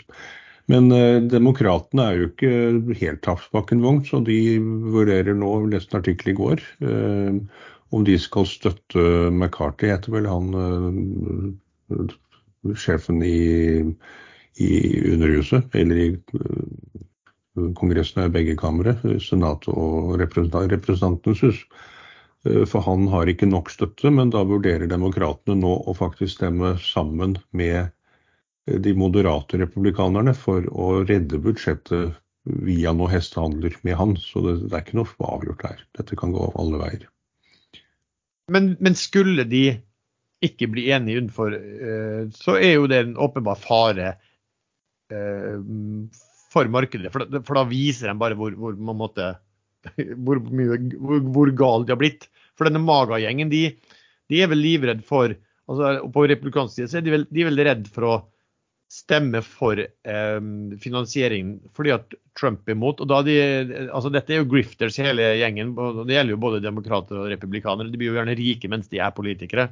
Så de vil jo strengt tatt bare opptatt av å hele tida få gjenvalg. og det som viser at Hvis du da eh, går mot det Trump ønsker, så risikerer du at han plutselig endorser en eller annen konkurrent du måtte ha i samme parti da, innenfor ditt område eh, ved neste valg. Jo, men ved forrige valget så så ble jo ikke de kandidatene som Trump endorsed, eh, valgt. I veldig liten grad, i hvert fall. Så ja. Men er, du har rett i det at det er det de er redd for. Men om det virkelig stemmer, det vet man jo ikke ennå. Ja. Um, skal vi se, vi har jo da um, noen um, spørsmål fra um, lyttere. Og så et spørsmål litt teknisk vedrørende nedsalget i vår. Um, hva, hvordan fungerer en slik praksis, en prosess i praksis til dealene lander? Altså, hvordan, hvordan, finne ut hva prisen eh, blir? Er det første lodding av stemning som blir bindende? Altså, Sven, hvordan, hvordan vil en sånn prosess fungere? Det er jo akkurat samme som med, med bookbuilding i emisjoner. De som har lyst til å tegne seg i emisjon, de indikerer kurs og volum. Og så blir det laget en, en, en bok, altså en ordrebok ut ifra det. Og det er på samme måte med et nedsalg. Altså, Folk legger inn det de er villige til å betale, og så er det de største egentlig som bestemmer prisen. Så spørsmålet er blir du kontakta igjen dersom du setter din interessepris for lavt, så vil du ikke bli det så lenge, eh, så lenge kursen blir satt høyere og de får, de får dekket opp det de skal. Jo, det spørs vel på meglerhuset, da. Som regel ja, ja. når, når hvis jeg ligger for lavt, så, så, får jeg en ny mulighet til å gå opp i pris. Du kan endre, ja. Du kan endre limit. Uh, men spørs hvor, hvor, uh, hvor, snille meglerne er, eller hvor mye de gidder å bry seg. Men uh, ja. jeg har i hvert fall noen meglere som gidder å bry seg, så det er jo fint for meg. Et spørsmål generelt sett om trading. Du, du trader jo mye, Sven. og Hvordan håndterer du eh, dårlige perioder med eh, mye stang ut, og hvordan håndterer du gode perioder hvor mye treffer? Nei, håndtere eh, Altså på samme måte som jeg alltid har gjort. Så altså, jeg aksepterer at det kan gå dårlig i en periode. Og jeg er veldig fornøyd når det går, går bra. Altså eh, Jeg har ikke noe Men blir, du mer, men blir du mer forsiktig i dårlige tider og, og, og mer dristig i gode tider? Eller klar, klar, klarer, klarer du liksom å holde deg i den på samme spor uansett, tror du? Nei, når det er litt, litt sånn stang ut, så er det av og til jeg bare tar og så bare klærer klærer masse posisjoner, sånn at du, du begynner egentlig bitte litt på nytt igjen. Ja. Altså du bare null, forsøker ja. å nullstille. Hva tenker du, Erlend? Eh, Jeg tar innimellom et stort skritt tilbake og gjør ingenting en periode når eh, ting går eh, for dårlig, men også når det går for bra, faktisk. Det, man gjør fort store feil, særlig hvis man har gjort det veldig bra en periode. Det traff meg i 2021, etter at 2020 gikk veldig, veldig bra. Så da må man bare karre seg tilbake til eh, normalen og prøve å finne det lille som gjør at man gjør det bra, og ikke litt dårlig. Det holder å gjøre det litt bedre eh, i summer, så tjener man penger. Man trenger ikke å ha flere vellykkede trades enn uh, en mislykkede trades. Det kan være motsatt. Jeg pleier å tape på kanskje to tredjedeler av tredene, men prøver å holde tapene små, så rir jeg gevinstene. Så blir det penger i uansett. Men, ja, men altså, man lider jo av Alle investorer lider jo i en eller annen form for eller mer eller mindre av- confirmation bias, og eh, alle vil jo bli prega til en viss grad. Det er vel et spørsmål om hvilken, hvor stor grad man blir prega av hvordan, hvordan perioden går. Klart, Går du stang ut akkurat det, det er jo fornuftig hvis du har litt dårlig Så jeg folk skriver av det på ekstrainvestor også, at de hadde litt dårlig periode. Så nå, nå selger de seg ut, og så, og så tar de en eh, uke uten å gjøre noen ting og kanskje bare få litt orden på, på tanken. og det kan, være, det kan jo være ganske smart. Og, og, og det er jo lett selvfølgelig når du, når du treffer en del, så tror du at du kan gå på, gå på vannet, og så blir du kanskje litt lettvint da, i vurderingen din. For du, for du, ja, du, det det har man jo sett før, at man føler seg uovervinnelig, og så viser det seg at det er man eh, absolutt ikke. Et annet spørsmål her. um, et spørsmål om hvordan eh, store aktører, det er vel fort institusjonelle kanskje, hvordan de styrer sine porteføljer og selger seg ut og ned av tilsynelatende gode case til stor frustrasjon for retails. Eh, kan du liksom forklare hvordan en sånn prosess kan skje hos de litt større, Sven? Um, nå var ikke jeg helt uh, 100% hva, hva spørsmålsstiller var ute etter. Uh, tenker på fond, eller tenker han på Ja, jeg tror nok det, tipper det er fond og institusjonelle, altså hvor, hvor, hvor, Ja, hvordan, hvordan de styrer porteføljen. Ja. Nei, De skal jo ha en viss allokering i, eh, i de og de papirene som de bestemmer i disse investeringsmøtene sine. Eh, og si at et fond har fått litt uttrekk av kapital, altså at folk vil ha tilbake pengene sine og ikke være investert i det fondet. Da må de selge ned sin relative andel rundt forbi da, for å vekte seg ned totalt sett. Eh, Men det kan òg være at de bestemmer seg for å gå inn og ut, eh, altså redusere og øke vektinger i forskjellige sektorer og, og, enkeltselskaper. Det, det gudene skal vite. Jeg har aldri sittet på den siden. Nei, men det, men det er jo litt sånn at vi ofte da, når man de klager på kanskje at de utgjør en liten del av porteføljen, og som du sier, plutselig så finner du ut at, at de skal ha en sånn og sånn vekting. Og, og da har du jo ikke tid til å sitte og vurdere hver enkelt at oi, skal vi gjøre den vektingen på den da? Da, da gjør du jo bare den vektingen over det hele. Du, du kan også ha en, hvis du er pensjonskasser og bare tykker sånn som folketrygdfond og sånt, som skal ha en andel av eh, verdiene skal være plassert med en prosentandel i rentepapirer og en prosentandel i aksjer. Eh, Plutselig så har de for høy andel av aksjer, da, ikke sant. Da må jo de penger ut fra aksjer og inn i eh, rentepapirer. Spørsmål til Sven. Eh, har du fått mye frie brev etter at du var på TV? Jeg er allerede gift, så det har jeg altså ikke. Kan få frie brev selv om du er gift, da. OK. Nei, jeg har aldri fått et frierbrev i hele mitt liv. Ja. Er det Men, du eh, eller din kone som henter posten? Ja. Jeg stoler ikke helt på den postgangen. Jeg syns det er veldig random når det kommer post og ikke. Uh, nei, det, det, er dårlig med det, heldigvis. Hva faen, hva er jeg nå? Så kom det et spørsmål her. Eh, hvorfor trakk Aker Horizon seg fra Pareto-konferansen? For de skulle delta, men, men meldte avbud tydeligvis ganske sent. Nei, det vet man jo ikke. Eh, men det var jo ganske mange som var påmeldt der, så selv om toppsjefen ikke kunne, så kunne det sikkert CFO eller andre hatt den, eh, en vanlig presentasjon der.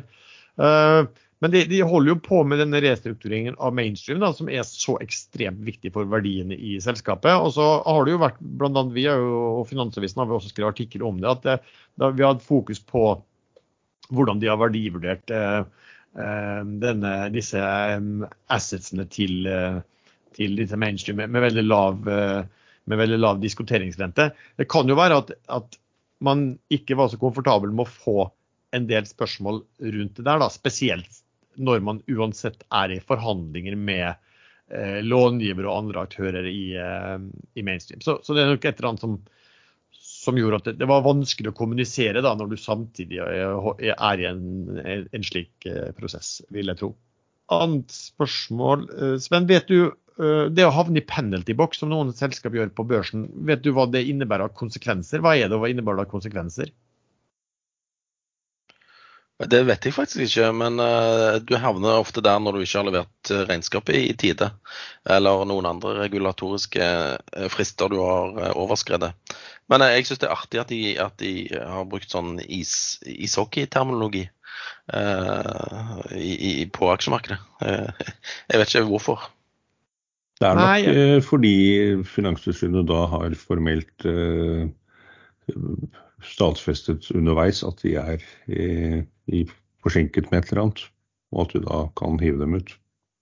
Ok, um, Annet spørsmål. Um, hvor henter vi informasjon, altså hvilke kilder, og hvordan uh, kan man liksom få tidlig informasjon? Hva, hva er det du bruker, Sven? Ja, Det er innsideinfo.no eh, som er primærkilden. Nei, det er, bruker Newsweb. Det er jo der meldingene kommer først. Jeg forstår, ikke, jeg forstår egentlig ikke helt spørsmålet. Nei, men du, du, du, men du, bruker andre ting også, gjør du ikke? Bloomberg eller Twitter eller noe sånt? Twitter, vet du. Det, jeg har fått sånn eh, blue checkmark på Twitter nå. Eh, for å kunne bruke denne tweet-dekken. Uh, som er liksom Du lager deg en vegg av, av kontoer du følger, og så f.eks hashtag OOTT, så får du opp alt som har med olje å gjøre, som blir tvitra om. Eh, og så hadde jeg jo Dow Jones Newswire i Infront Aktivtraderen. Men der for en stund tilbake så uh, kom megler Drypp i Pareto og sa at vi betaler litt vel mye for den der tjenesten din. Du er en av de som har mest tjenester i hele den infront-aktivtrederen. Så han anmoda om jeg kunne klare meg uten noen nyhetskilder, og det har egentlig gått veldig bra. Jeg har erstatta Dow Jones Newswires med, med Twitter-feeden. Så det funker egentlig like bra. Ja. Men det spørs hva info du er ute etter. Er du ute etter å få eh, disse her headlines fra USA, eh, makro-headlines, så bør du nok nesten ha en sånn eh, Reuters-terminal eller Bloomberg-terminal eller et eller annet sånt for å få det fortest mulig. Men det er jo alltid noen som er foran deg uansett. Hva bruker du, eh, Erlend? Nei, jeg trener ikke så mye på nyheter på den måten der. Følger selskapene over en stund og ser når noe begynner ut eller topper ut, og trener på momentet i korreksjon eller i bouncen eh, som kommer, enten på vei ned eller opp. Hvis jeg shorter aldri, så jeg treder ikke nedgangen, men jeg prøver å fange opp det som kan ha begynt ut. Så jeg, jeg brukte, jeg leste altfor mye før. Jeg brukte helg og kveld og natt på å lese nyheter og kunne alt om alt. Og så er det innen gruvebransjen som jeg var engasjert i. Men kunne alt om Kina og hvordan de kjøper jernmalm og hvordan prisene fastsettes osv. Men det hjalp meg ikke en dritt i tredingen, viser det seg. Bare bortkastet tid. Så jeg gjør mindre og mindre, eh, og det funker egentlig bedre og bedre. Men det, kan, det er ikke noe jeg kan anbefale andre. Man må egentlig kunne ganske mye før man kan gjøre mindre og mindre. Nei, men jeg er litt enig, fordi at hvis du har for mye informasjon òg, så overtenker du. Eh, ja. ja. Og hvis du sitter med veldig spesiell informasjon som markedet ikke har fått med seg ennå, så blir det ikke noen reaksjon heller. Men det er veldig sansen for eh, de som treder for Bertil Osten. De eh, handler minst mulig og gjør minst mulig. Det er offisiell strategi. Jeg vil si at ja, Newsweb som Sven, selvfølgelig. Og så har man liksom via, ja, en del sånn via, via Infront og, og andre steder. Bruker også Twitter litt. Eh, jeg må si det, selvfølgelig, jeg er liksom programforplikta til å si det, men jeg mener også det å eh, henge på ekstrainvestorer, spesielt i en kanal som denne trading chat-kanalen. Der, der, poster folk nyheter og uttalelser og sånn eh, som er relevant, i hvert fall tradingmessig, og det blir jo da gjerne fundamentalt. Der kommer det veldig tidlig. Både nyheter og at folk kommenterer på hva, på hva det innebærer. Eller så skal jeg faktisk gi deg litt reklame her for dette nyhetsbrevet ditt. Eh, for en som er blitt feit og lat, så Eller har vel alltid vært lat. Men jeg syns det er veldig bra oppsummering over meglerhusenes vurderinger og litt andre viktige nyheter som kan påvirke åpningen på Oslo Børs. Veldig bra. Takk skal du ha. Hyggelig. Vips sendes. Takk. Eller jeg fortsetter å få det gratis. Det er vel belønningen her. sånn er det. Um, skal vi se. Du, um, Doff, ja, apropos det. Sven, var bare en som spurte om har du oversikt over hvor mange Doff-aksjer som kommer ut på markedet nå? Var det, var det 2. oktober, 12. oktober, et eller annet sånt. Men hvor mange er det? Som frigis, liksom? Det skal totalt være 174,1 eller annet millioner aksjer i Doff. Uh, nå etterpå. Og eh, før emisjonen så var det 20% ble frigjort i transje 1, eller i A-transjen, og så 80% i transje eh, B. Men pga. emisjonen så er det litt mindre enn 80% da. Jeg tror det var rundt 70-75. Jeg husker ikke helt eksakt. Men altså en stor, eh, mye større andel aksjer frislippes nå eh, i forhold til det som har vært tilgjengelig i markedet fra før av. Så er spørsmålet klarer meglerhuset å plassere blokker i, i, denne forbindelse. Jeg tipper at det kommer til å skje i stor grad, og jeg vet ikke om kursen blir så veldig påvirka. Det er veldig bra etterspørsel etter Doff eh, for øyeblikket.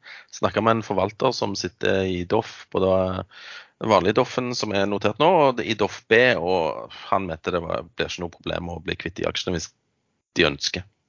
Og Det er jo et spørsmål om de ønsker det. Det er jo det som er ofte om du um har du altså, de, er, de, de, ufrivillige eierne plutselig har de jo blitt fri, kan jo ha vært frivillige også. ikke sant? At de, de har bare lyst til å selge det flott. de, de tror det blir veldig gode tider eh, framover. Hvem vet, egentlig. Annet spørsmål til deg da, Sven. Det er Arnold Fosse Kompani. Sitter du i det fortsatt? Mm, nei, uh, jo da, jeg sitter ikke i den. Uh, jeg skjønte forrige eh, fredag, egentlig etter closen, at eh, Søren her har gjort feil. For jeg så at eh, det lå så himla mye aksjer igjen på Ask på 158,2 at her kommer jeg til å gå på en smell. Og det, det, det, stemte jo på en prikk. For disse fondene skulle ut. Og de, de solgte den bare ned og ned og ned. Og, men nå har den gått opp noen kroner fra bunnen, i hvert fall. Men jeg, jeg sitter her og ser på, på Jeg fikk en mail fra, fra megler i Pareto eh, om de nye aksjene i Doff. da. Eh, F.eks. Eh, eh, største aksjonær er per nå The Bank of New York Mellon. De har en eierandel på 3,6 millioner aksjer. De får nye 11,2 millioner aksjer. Så, sånn som Eksportfinansiering Norge har 2,9, og de får 11,7 millioner nye. Så det er en del aksjer som skal plasseres, uh, hvis de ønsker. Mm. Jeg, jeg, tror ikke Eksportfinans uh, skal sitte og være langsiktig aksjonær i, i, Doff. Det har jeg vanskelig for å tro. I dag så kom vel um, Det var vel da Arctic som økte kursmålet sitt fra 55 til 77. Og da tror jeg ut ifra nyhetsbrevene mine og oversiktene jeg har der på litt historikk, at de da er den som har høyeste kursmålet. Og det er sikkert bra når når det dukker opp masse institusjonelle som kanskje kan være interessert i å selge seg, så er det jo kanskje et godt innsalg for et meglerhus å si at vi er de med høyest kursmål. Ja, jeg hadde forresten litt feil. 176,6 millioner aksjer er, totalen. Sånn at det er utstedt nå 53,3, og så kommer det 123,2 millioner nye aksjer eh, om litt over en uke. Fontobel er denne ukes sponsor av Aksjesladder. De er en av de ledende utstederne av børshandlede investeringsprodukter i Norden med over 15 000 aktive instrument. Med bull- og bear-sertifikater kan investorer ta del i oppturer og nedturer på børser over hele verden. Disse sertifikatene gir deg som investor mulighet til å omstille din tro på den kommende markedsutviklingen til handling, og i henhold til din egen risikoprofil. Bull- og bear-sertifikat gir investorene en forsterket effekt, en giring av utviklingen i aksjer, indekser, valutaer eller råvarer, enten markedene går opp eller ned. Vi snakker jo ofte her i aksjeslader om volatilitet, dvs. Si kurs- og markedsbevegelser. Og høy volatilitet er noe aktive tradere liker. Via Fontobel kan du kjøpe bull- eller bear-sertifikat basert på utviklingen i den såkalte Vixen termin. VIX er det populære navnet og tikker til Chicago Board Options Exchange CBOA Volatility Index, altså, som skal altså være et mål på aksjemarkedets forventninger på volatilitet ut fra indeksopsjoner på SMP 500. Med andre ord kan du spekulere på fremtidig utvikling av markedsvolatilitet via bull- eller B-sertifikat fra Fontobel. Altså spekulasjon på fallende eller økende volatilitet framover med en faktor, eller giring om du vil, på opptil fire ganger. Disse og et stort antall andre sertifikat kan du handle via Nordic Growth Market. Husk at du risikerer hele kapitalen ved å investere i slike produkter. Som investor bærer du Fontobels kredittrisiko. Fullstendig produktinformasjon samt risker kan du lese om på markets.fontobel.com.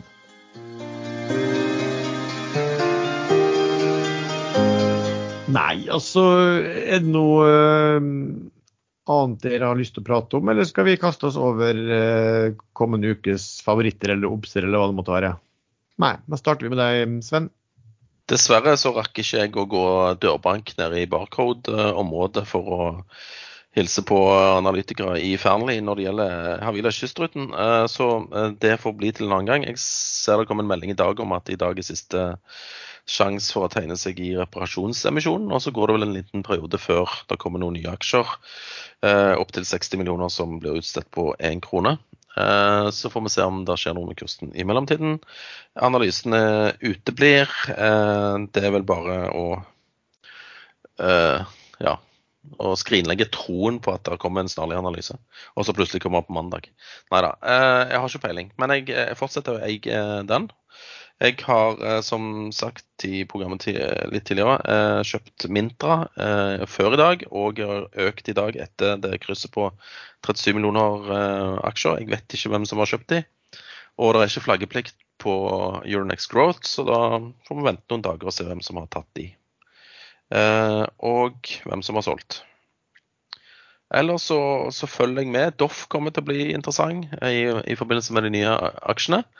Eh, Det billigste stålet var alle enige om i OSV-sfæren er eh, Eioff, altså Eidesvik Offshore. Den har ligget stille eh, hele perioden. Eh, Litt av grunnen er at de har litt lengre kontakter. Eh, Jeg var på presentasjonen og det kom fram at eh, når damen endelig fikk i gang på, på den, da, de var vel ti minutter forsinka pga. en mikrofon som ikke virket. Vi har alle vært der, for å si det sånn. Uh, jeg ble ikke sånn superbull, men altså, det er det billigste stålet. Kanskje de finner ut at de skal, skal bli litt mer opportunistiske. Men i, i presentasjonen så ga de uttrykk for at de skulle vokse, og hva betyr det? Det betyr at de skal kjøpe, kjøpe nytt stål. Eh, Det, det, jeg vet ikke om jeg syns det er så kult nå oppi når, når stålprisene på, har økt såpass som de, så de har. Men eh, plutselig så får den seg et løft fordi at den har ligget i et eh, Jeg vet ikke hva, hva slags vakuum den har ligget i, men den har i hvert fall ikke beveget seg. De gjorde en emisjon på 12 kroner. Eh, aksjen sier de sjøl er verdt eh, over 20, men de velger likevel å hente penger på 12. Men det var vel gjerne der markedet var. Men eh, plutselig så stikker han av en eller annen grunn. Det som, det, som var, det som var litt interessant, var jo at eh, de sa at de har sånn indeksmekanisme i de lange kontraktene. Men hvis det er fra lave nivåer, så er vel eh, Vet ikke om det hjelper så veldig mye på, på inntjeningen. Nei, jeg har ikke noen flere. Jeg kan bare nevne det også, for det er jo også et poeng at du, det du ser på både på rigg og på supply og alt der, så er det jo en del avtaler som er inngått og som er langvarige, og som, der, som der man har opsjoner og alt det der er, inn, er gjort på mye lavere nivåer. Sånn at eh, det man da snakker om ratenivået nå, det tar jo ganske lang tid da, før det slår igjennom. Så så, så det er jo mye sånn tall der de sitter og regner på 2025-tall. Eh, at da er det man liksom ute av, eh, av eh, mye av det historiske også, og, og kommer seg over på dagens rate. Men det er klart, i 2025 så er det ikke sikkert at eh, ja, dagens rate er dagens rate.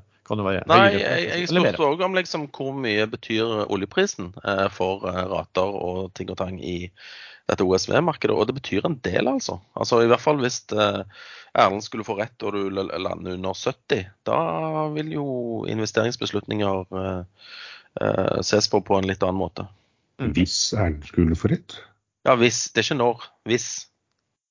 Nei. Du, du har vel en tidsfrist inn på dette veddemålet? Ja, innen nyttår. Ja, og det ser litt, det ser litt teit ut. Og så mistet jeg et par dager, det var jeg ikke klar over da jeg inngikk veddemålet, at uh, nyttårsaften den 31.12. klokka Det er søndag, visstnok.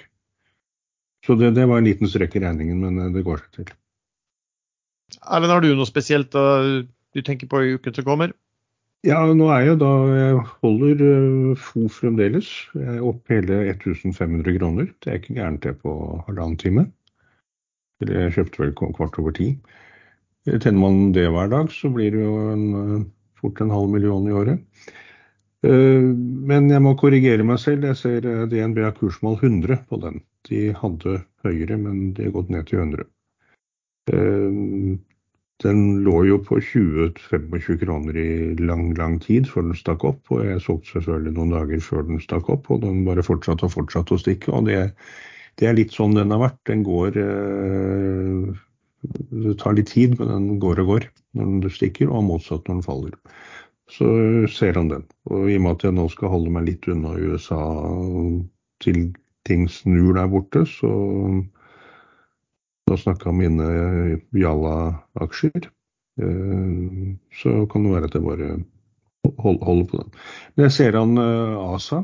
eh, Den har ikke falt så mye, men der er det såpass mange aksjer fra før. eh, Og med de 50 som kommer nå, så er det vel ca. 50-50 av det som er tilgjengelig i markedet nå, og det eh, som kommer til å komme etter generalforsamlingen.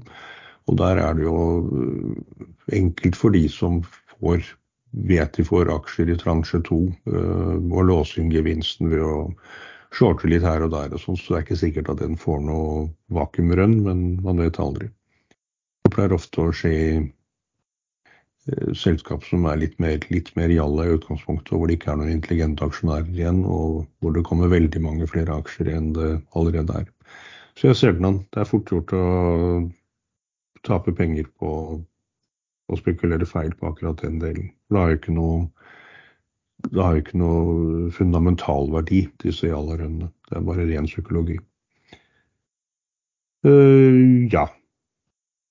Det er egentlig det jeg ser. Jeg følger med på denne visjonære aksjen min, denne Aker Horizon.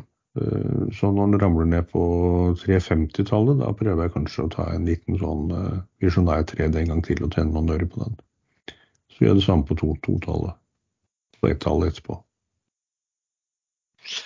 Ok, eh, jeg kan nevne altså Litt interessant eh, generelt sett er jo at eh, Russland, som er en stor eksportør av diesel og bensin, de kom jo i går da med eh, at de skulle banne alle eksport av diesel og bensin. og De sier det for at de skal stabilisere markedet. Men det kan vel tolkes som at de, de, de, de vil lage mest mulig problemer og mest mulig smerte for eh, eh, for eh, den vestlige verden som støtter Ukraina med hjelp, sånn at ting blir dyrere for borgere og får mer misnøye. Tror jeg på det. Um, og så snakka jeg vel litt om forrige uke om Hafnian. Opp faktisk nye 5 eh, denne uken her. De var ekstremt bullish i, eh, i eh, sin, i sin presentasjon. Den er jo faktisk, er faktisk, ned i dag, men den var, jo, opp, den var jo faktisk opp kraftig tidligere også ned nå. Så det kan nok svinge litt i forhold til det med Russland også, og hva, hva det innebærer av tonn-mile om det en må, man må frakte diesel fra andre steder, og betyr det lengre, og betyr det, eller betyr det mindre, eller ja, hva som helst. Så, men det har jo i hvert fall vært eh, fantastisk eh, sterk. og og analytikere på, på Redd-konferansen var jo også litt sånn lyrisk overfor den, eh, eh sånn sett. Uh, nei, altså Jeg har vel en som jeg, jeg vil tenker jeg skal kjøpe meg litt oppi, mens jeg må bare vente litt med å få litt mer eh, kontroll på. Uh, føler vel at tiden er der hvor man kanskje skal sitte litt stille i båten de, de neste ukene. Altså disse her i USA ja, det har jo vært mange sånne. Det, det, går stort sett bra, da. Men akkurat nå så, så har jo uh, falt 4 eh, på en uke i USA. Altså det er jo ikke mye. Det er en veldig normal svingning. 10 er jo også normalt, da, men, men, det kan nok være at kombinert med at markedet har gått mye i USA, og at renten begynner å bite, kanskje bite mer, så kan det godt være at vi får, uh, at vi får mye mer uh, den neste altså september og oktober. Det er i hvert fall sånn at jeg vil være veldig forsiktig uh, på det. og Jeg ser jo at disse AI selskapene, da, spesielt da hvor med Nvidia, har falt en 15% nå fra, nå fra toppen. Og, og, det er også noen svakheter. Det kom en del veldig populære sånne mm, IPOs, altså ARM f.eks. Og så steg, steg den 24 første dagene. De er vel tilbake og falt tilbake og er vel nå under IPO-kursen, som heller ikke er noe sånn godt, eh, eh, godt tegn for, eh, for markedet. Da. Så eh, jeg har egentlig ikke noe sånn, noe sånn spesielt og har, har noen, noen jeg titter på, men jeg er ikke noe veldig ivrig på å kjøpe på noen som helst måte akkurat nå. Bare kort, Du nevnte eh, renten biter litt mer. Eh, den biter jo også litt feil vei, fordi nå ser man en flom av streiker hvor arbeiderne krever høyere lønn. og Det er delvis begrunnet med at kostnadene har økt kraftig. Eh, og også drivstoffkostnadene bort til USA. Eh, nå snakker jeg hovedsakelig om USA med disse streikene. Og det vil jo da plutselig drive inflasjonen igjen, og så er man inne i denne eh, lønns- og prisspiralen. Og inflasjonsspiralen.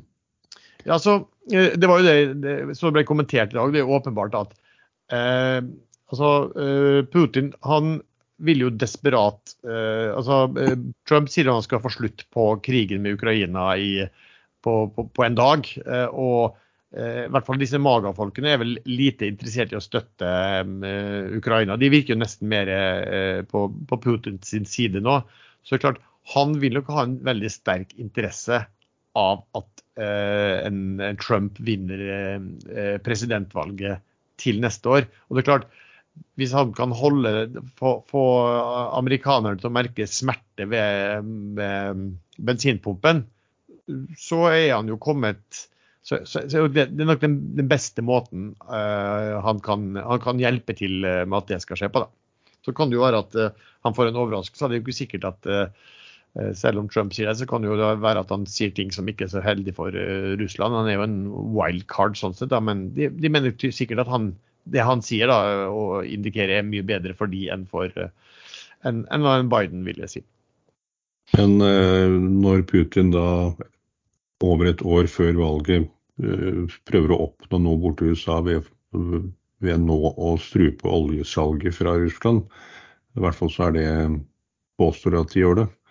Eh, det, det er ganske tidlig. Da har man brukt opp ammunisjonen før man kommer i mål. Så det at Russland nå struper oljesalget eller salg av eh, oljeprodukter, det er vel vel fordi de har uh, fått for lite innenlands og må holde prisene nede. Ja, kanskje. Jeg så en indikasjon som sa at de, de produserer dobbelt så mye som det de behøver selv. Så jeg tror at de gjør det for å, for å presse markedet. Og nå har, jo, nå har, jo, prisen gått mye opp, og de vet at amerikanerne Så kan merke ja, det, det, det kan i hvert fall Det er jo ikke bare amerikanerne som merker økt, økt inflasjon og økt, økte kostnader. Det, det, merker man mange steder. Så vi får se. Uh, nei, er det noe annet dere hadde lyst til å si, eller skal vi ta helgen? Ja, nå er jeg opp uh, 4700 kroner.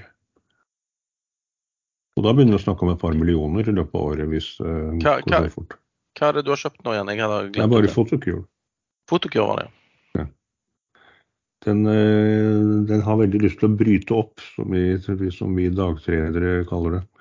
Den har ligget i en, uh, ligget i en smalere og smalere range fra den stakk opp og falt litt tilbake. En sånn vimpelformasjon, og nå ligger den helt i toppen av kanalen der. Plutselig bryter den opp. Og da er teorien at den da skal gå like mye som den gikk eh, på det første ligget opp. Så da blir det 40 Hvis, til. Hva er det med å bryte opp gjennom det? Nei, jeg har ikke sånn, jeg har ikke noe tall direkte foran meg. Jeg tror ikke 100% på det heller. Men eh, drøye 60.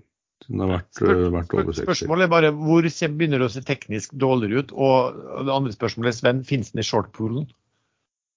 Jeg, jeg, vet ikke hva Fotokur holder på med Skal ikke du sitte her på direkten og shorte aksjen min? Nei, men jeg, jeg, jeg tror på Erlend sine synske evner hva gjelder utbrytning og, og omvendt hode, skulder, kne og tå-formasjon. Så Jeg kan ikke tenke meg at det ikke finnes short i Fotokur, men det står faktisk ikke på DNBs uh, tradingvindu her at den kan shortes. skal jeg sjekke veldig fort om det går an å shorte den? Ja, det må må være mulig å shorte den. Po. Skal vi se, jeg må legge meg på 60-tallet nå. 5000 på 60,20 selv. Ja da, det er, det er shorts available. Og der raste kursen tre kroner. Ja. Takk skal du ha. And it's gone. og med det, Nei da, den jobber seg oppover. vi, Får vi får, se. vi, får vel, vi får vel se før dagen omme. Um, og med det så takker jeg så mye til deg som har lyttet til denne episoden. Du treffer stadig oss rett chattene inne på Ekstrainvestor. Vi har også en stor gruppe på Facebook som heter podkasten Aksjesladder. Musikken er som vanlig laget av sjazz.com, og vi høres. 5000 nå. Men, men, men det er jo sånn at det, altså, Tror du ikke det er folk som kan gjøre sånn at de sitter og ser på Oi, nå sitter folk og tenker at hvis den bryter noe, så er det bullers. Og så hvis den går under det tekniske nivået, så bare shorter man og ja, longer man bare for å Og de som eh, tenker sånn, de er jo gjerne med på å pushe den opp til eh, der hvor den teknisk kan bryte, og så setter de shorten der. ja, ja. Dette er en sånn eh, bull bear fight, eh, morsom å følge med på hver gang.